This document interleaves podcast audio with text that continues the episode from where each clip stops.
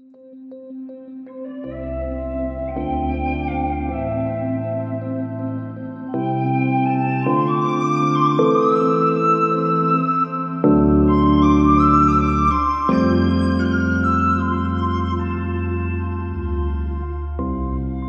delší době jsme zase zpátky a skrze poslech našeho podcastu Srdce plné vás zveme znova ke společné modlitbě. K času s Bohem, který jako jediný může naše srdce opravdu naplnit. Já jsem postulantka Bětka a kdyby někdo nevěděl, co to je postulantka, to je takové cizí slovo, tak česky je to něco jako skoro řádová sestra, ale ještě bez závoje a hábitu. A se mnou je tu sestra Emanuela. Ahoj všichni, moc vás všechny zdravíme z kláštera milosrdných sester svatého kříže v Kroměříži. A vy, kdo jste nás poslouchali už v postní době, kdy jsme s tím podcastem začínali, už trochu tušíte, co chystáme. Ale možná nás teď poslouchá někdo poprvé a navíc opakování je matka moudrosti. Takže, o co nám vlastně jde? Když jsme s tímto podcastem začínali, zvolili jsme pro něj název Srdce plné. Inspirovali jsme se citátem z Bible, kde Ježíš říká, čeho je srdce plné, tím ústa přetékají. My se snažíme, aby naše srdce byla plná radosti ze života s Bohem a rádi bychom tuhle radost předali dál. A to se podle nás nejlíp dělá tak, že toho co nejvíc necháme na Bohu.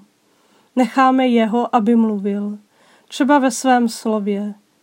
Takže to, co nás čeká, je společná modlitba. Budeme rozjímat, zamýšlet se na texty, tentokrát nejenom z písma svatého. Budeme hledat, co nám můžou říct.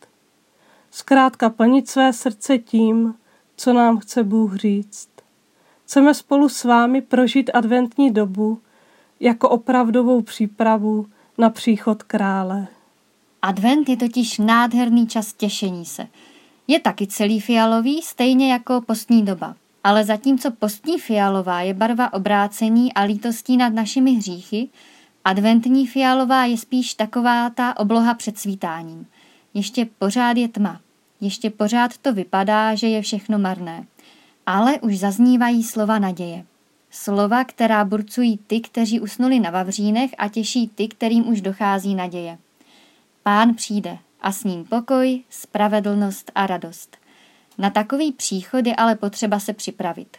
Jak když k nám domů má přijít vzácná návštěva, a tak logicky chceme, aby se všechno blízkalo a na stole stála ta nejlepší bábovka a dobré kafe a brambůrky a všechno možné a dáme prostě na ten stůl to nejlepší, co máme.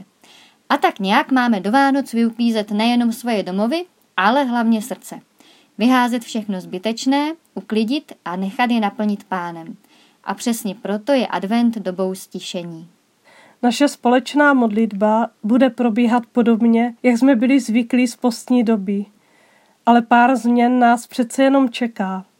A protože nás možná poslouchá někdo poprvé, pojďme si znova říct, co to takové rozjímání je a jak se to dělá. Rozjímání to je čas s pánem, modlitba, ve které k nám Bůh promlouvá skrze texty písma svatého Bible, ale můžeme si třeba vzít k rozjímání i nějakou jinou knížku s duchovní tématikou, ale Bible to je taková zaručená klasika.